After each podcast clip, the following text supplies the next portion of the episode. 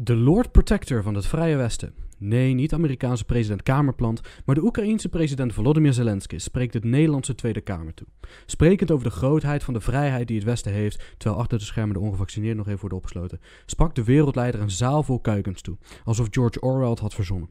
Old Major, soms ook bekend als Mark Rutte of de premier, of voor vrienden als schoothondje van de Europese macht, zat achter in de klas mee te luisteren naar hoe die gozer in Kiev het allemaal weet te brengen. Stilletjes zegt hij in zichzelf dat het een schande is dat Old Major hemzelf niet buitenlandse parlementen mag toeren, alleen maar omdat Nederland niet in oorlog is. Na afloop van de speech van de comedian en dienaar van het volk, een term die Old Major nog eens zou moeten opzoeken, was er geen tijd meer voor het grootste kuiken, het atje kuiken. Terwijl drinken toch iets is dat ze in Oekraïne best goed kunnen. Trigger warning, ik ben Jens van Kakerken en dit is de Jenscast.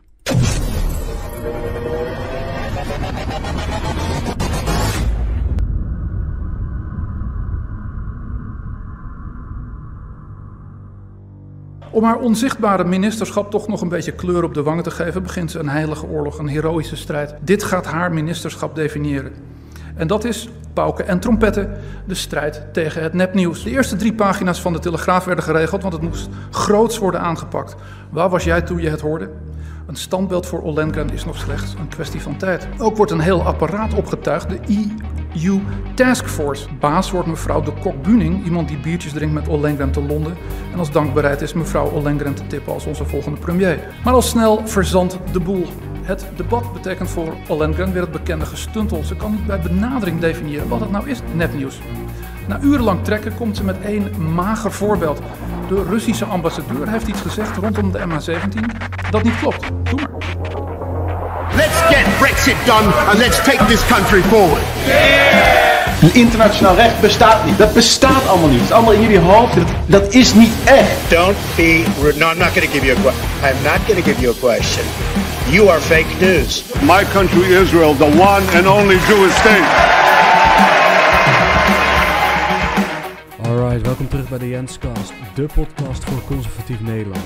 Eerst even een huishoudelijke mededeling. De Jenscast podcast is vanaf vandaag losgekoppeld van Common Sense TV.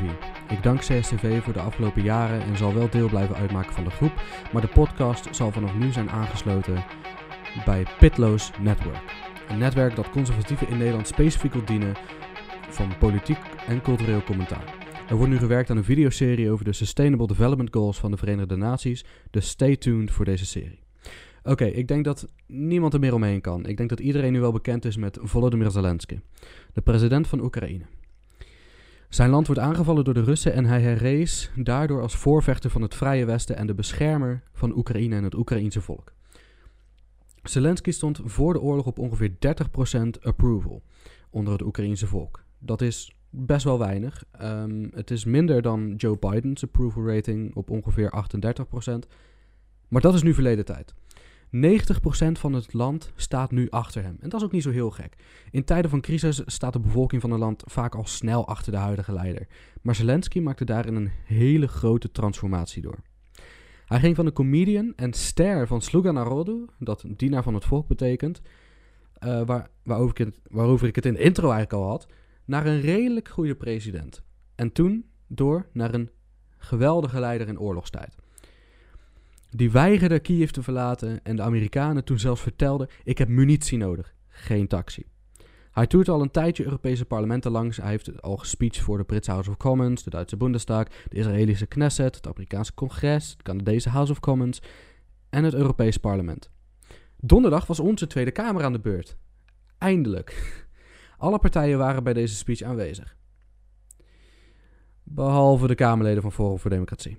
FVD besloot dat het geen goed idee was om de speech van Zelensky bij te wonen, zonder dat uh, in het kader van wederhoor ook de Russische president Vladimir Poetin zou worden uitgenodigd. En ze vonden het breken met tradities dat een buitenlands staatshoofd het parlement toespreekt. Al heeft Shimon Peres, de eh, oud-president van Israël, dat in 2013 ook gedaan. En waren er, volgens mij was er nog een andere wereldleider die dit ook heeft gedaan. Maar goed. Zelensky vroeg in zijn speech de Nederlanders om extra hulp, onder andere specifiek van Rutte, om in een sneltreinvaart lid te kunnen worden van de Europese Unie. Iets wat Rutte daarna heeft aangegeven dat niet zou gebeuren. Zelensky verwees in zijn speech ook naar het 450ste jubileum van de inname van Den Briel. Een van de belangrijkste gebeurtenissen van onze onafhankelijkheidsoorlog, hè, de 80-jarige oorlog. Het staat historisch in hetzelfde rijtje als het beleg van Berg op Zoom, waar dat het lied Merkte hoe sterk, het geuzenlied Merkte hoe sterk vandaan komt, en de inname van Dordrecht en Gorkum. Het is een gebeurtenis waar dat Nederlanders eigenlijk meer van moeten zouden leren. Uh, want ook ik zelf wist niet uh, al te veel van deze gebeurtenis toen dat ik de speech van Zelensky hoorde afgelopen donderdag. Kijk, een beetje historisch besef kan geen kwaad en dat zou ons land juist verrijken.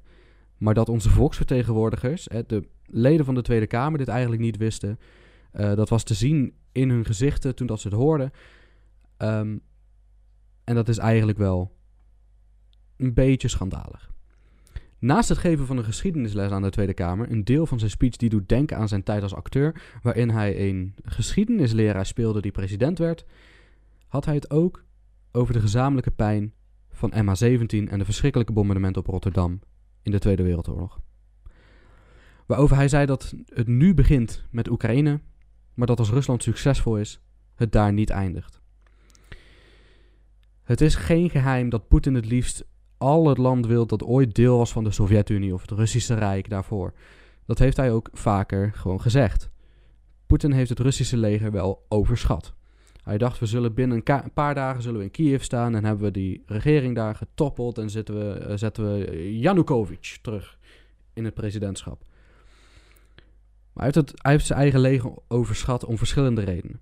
Deels omdat de data die ze hadden uh, onvolledig was en deels omdat de moraal onder het Russische leger keihard daalde toen dat ze ineens van een oefening ineens in Oekraïne stonden en ze ook aan hun commandanten moesten vragen wat doen wij in Oekraïne en dat uh, zelfs een, uh, een, een, gewoon een normale personenauto, gewoon een normale Oekraïnse burger langs reed, langs een tank uh, die geen, geen gas meer had of die geen, geen brandstof meer had. En dat die ze moest gaan vertellen dat ze onderweg waren naar Kiev in plaats van naar um, ergens in Belarus. In het debat na de speech van Zelensky kwam minister van Buitenlandse Zaken Wopke Hoekstra zwaar onder vuur. En terecht. Want Hoekstra kon op de meeste vragen geen antwoord geven en verwees naar andere ministeries en andere ministers die verantwoordelijk zouden zijn uh, voor hun uitvoering van hun deel van de sancties. Terwijl de Nederlandse bureaucratie nu zeker een moeras is, en dat werd donderdag nogmaals duidelijk, halen de Russische oligarchen hun bezittingen uit Nederland weg en maken zich ontraceerbaar. Ja, want geef ze de tijd en, ze, en er is niks meer over van de sporen die leiden naar hun bezittingen. België heeft 10 miljard euro aan Russisch vermogen bevroren, maar Nederland enkel 0,4 miljard. Enkel 0,4 miljard, waar dat België 10 miljard heeft bevroren het onvermogen van de Nederlandse regering op full display. We roepen keihard over sancties op het Russische en Belarussische regime, maar voeren deze eigenlijk amper uit. En dat is schandalig. De vragen die uh, gesteld werden zouden pas dinsdag aan de orde komen. Sterker nog, Hoekstra zei zelfs dat pas dinsdag zal worden verteld hoe ze de vragen gaan beantwoorden. Dus nog niet eens een antwoord op de vragen zelf. Oekraïne heeft geen week om te wachten op de Nederlandse bureaucratie. Ze hebben nu actie nodig. Hun land is nu onder vuur. Bijna de hele Kamer wilde uiteindelijk het hele kabinet naar de Kamer roepen om alle vragen alsnog beantwoord te krijgen. Het is een schande dat de Belastingdienst wel alle gegevens van de toeslagenouders kon delen, met alle instanties en hun doodsangst aan kon jagen, maar dat met deze Russische oligarchen en deze Russische bezittingen dat niet kan en dat Hoekstra zich verschuilt achter de AVG. De AVG die in andere landen, in Frankrijk en België, Groot-Brittannië en uh, Duitsland, allemaal geen blokkade heeft opgeworpen. Maar bij ons in Nederland wel, want hij is zo heilig natuurlijk. Dat hebben we de afgelopen tijd wel gezien, hè? Zie toeslagenaffaire. En terwijl in Den Haag wordt gesteggeld over kleine punten en wijzen naar andere ministers, hè, het moeras van Nederlandse bureaucratie, wordt in de Donbass en in Kiev in Oekraïne nog keihard gevochten tegen de Russische agressors. Oekraïne heeft de afgelopen dagen meerdere dorpen bevrijd, zoals Bucha um, en nog een aantal, vooral bij Kiev, uh, van de Russische occupiers. De meeste daarvan liggen dicht bij Kiev, maar ook een paar in het oosten bij Kharkiv. Maar na 38 dagen oorlog is het grotendeels een stalemate in plaats van een groot offensief. Ik weet dat Oekraïne het nieuws domineert. En met goede reden domineerde ook deze podcast de eerste 10 minuten. Maar we moeten niet uit het oog verliezen dat er hier in Nederland ook problemen zijn. Denk dan bijvoorbeeld aan de inflatie die op 11% ligt, de corruptie van minister De Jonge, met de mondkapjesdeal van de dief Siewert van Linde. En zijn CDA-vriend natuurlijk. Om even met dat eerste te beginnen. Hè, de inflatie. Iedereen betaalt meer aan de pomp, prijzen stijgen terwijl inkomens niet meestijgen. Het kabinet denkt dat door de accijnzen tijdelijk te verlagen of helemaal weg te halen, tijdelijk, de schade valt te overzien. Maar mensen kunnen straks met een hoge energierekening en stijgende prijzen niet meer hun rekeningen betalen en worden daardoor in een soort armoede gedrukt. De inflatie en prijsstijging worden volledig op Vladimir Poetin gegooid. De, de Kamerplant Administration in Amerika noemt het al de Putin price hike. Maar vooral daar is al goed te zien dat het ook al voor de oorlog uh, keihard aan het stijgen was. En het was meer dat de oorlog het laatste zetje gaf om het nog even hoger te laten zijn. De Tweede Kamer, ja, wat doet hij eraan? Eigenlijk niet heel veel. Ze laten de regering maar een beetje op een beloop lopen. En die lopen als een soort kip zonder kop een beetje accijnzen te verlagen. Dan naar Hugo de Jonge. De oud-minister van Volksgezondheid, nu minister van Volkshuisvesting en ook nog eens professional asshole, heeft actief aangedrongen op het sluiten van de mondkapjesdeal met Siewert van Liende, een CDA-kameraad van hem. Hij heeft ook meegeschreven aan het CDA-partijprogramma, toen dat Hugo nog lijsttrekker was. De Tweede Kamer wilde hierover een debat aangaan met Hugo, maar die stuurde Connie Helder, de nieuwe minister van Langdurige Zorg, omdat hij er nu niet meer verantwoordelijk voor was.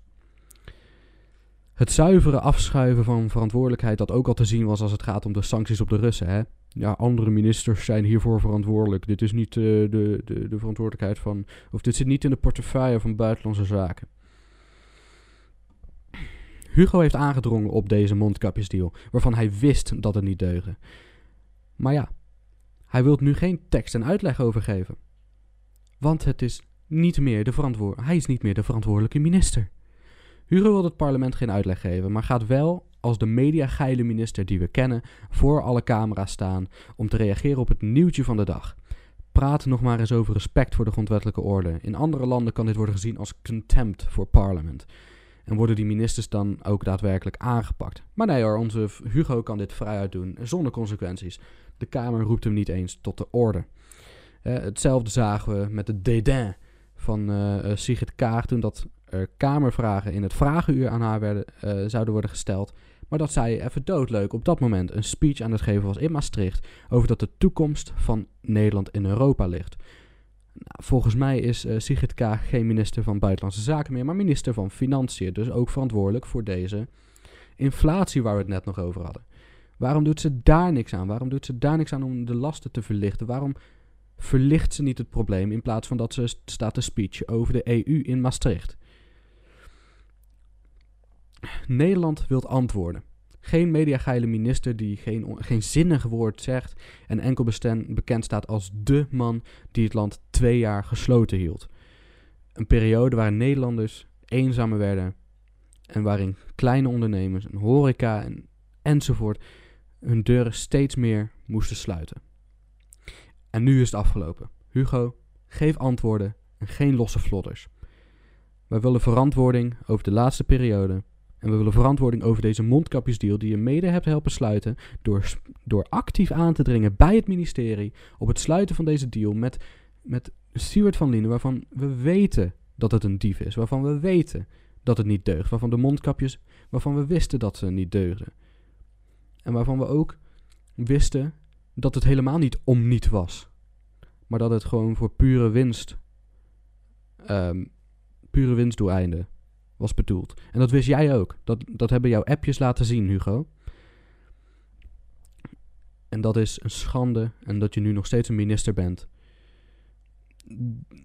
Ik kan, me daar, ik kan mijn hoofd daar niet omheen. Ja, ik, ik kan mijn hoofd daar niet toezetten. Om deze aflevering af te sluiten gaan we nog even naar de Bijbel. En ik ga geen hele Bijbellezing geven, wees maar niet bang. Alleen de vers van de dag en een beetje achtergrond over hoe dit ons kan inspireren. En misschien hoe dat dit de uitdagingen van de dag um, ja, een beetje kan, kan, kan shapen. Hè? Hoe dat we die aan kunnen gaan. En daarvoor gaan we naar Spreuken 27, vers 17. IJzer scherpt men met ijzer. Zo scherpt een man het gezicht van zijn naaste. IJzer met ijzer scherpen betekent natuurlijk dat er twee stukken ijzer zijn, want zonder het ene kan je het andere niet scherpen. Een enkel stuk zou daardoor onbruikbaar zijn en dus onnodig. De betekenis hiervan is dat we in een gemeenschap zouden moeten leven en deze gemeenschap ook daadwerkelijk zouden moeten dienen. En dat we liefdevolle en groeiende relaties met anderen zouden moeten bouwen. Het vereist ook een mate van verantwoordelijkheid. Hè? Hugo, daar kan je nog veel van leren. Of een persoonlijke neiging om belangrijke, uh, belangrijke anderen, significant others, dichtbij genoeg in ons leven te laten, zodat ze de specifieke zwakheden en de, of probleemgebieden in ons kunnen zien en daar ons uh, over kunnen verbeteren en ons kunnen helpen om die zwakheden en probleemgebieden op zijn minst te verlichten. Verantwoording afleggen is niet gewoon uh, een andere gelovige vragen welke Bijbelversen vanmorgen in hun toegewijde tijd hebben gelezen. Nee, dat is te makkelijk. En het veronderstelt bijna dat de ontvanger van de vraag oneerlijk zou zijn in een poging om de druk van het examen te halen. De druk van de test. Stand the test. Dergelijke uitwisselingen worden vaak als afgezaagd en oppervlakkig gezien. Echte verantwoordelijkheid vereist dat de persoon die de raad of het advies ontvangt bereid is om de vrienden toe te staan de kwetsbaarheden in hun leven te zoeken, te accepteren, wat ze erop wijzen. En dan iets te doen om het op te lossen wanneer ze het horen. Daarnaast is het ook een factor van motivatie. Een motivatie om jezelf en anderen te verbeteren, waar het kan en om beter te leven, waar het moet. Dit is alleen al heel belangrijk in ons dagelijks leven. Dit is allemaal heel belangrijk. Je kan denken, ik ben niet gelovig, dus waarom nou de Bijbel, Jens? Kom op, wat, wat hebben wij met dat, met dat oude stoffige boek van doen? Nou, simpel. Omdat de Bijbel simpelweg waarheden en wijsheid bevat die soms moeten worden gemarkeerd, soms moeten worden uitvergroot. Ook als je niet in God gelooft, zijn deze waarheden nog steeds waar. de waarheid is niet gedreven op meerderheid, de waarheid is waarheid omdat het waar is.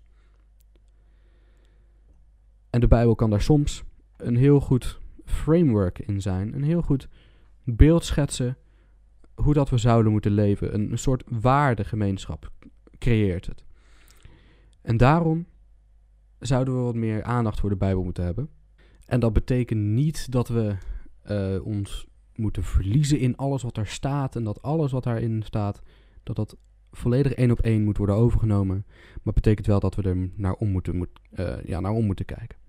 Ook als je niet gelooft in God. Ik hoop dat je hebt genoten van deze Jenscast en tot de volgende keer. Ik ben Jens van Kakerken en dit was de Jenscast.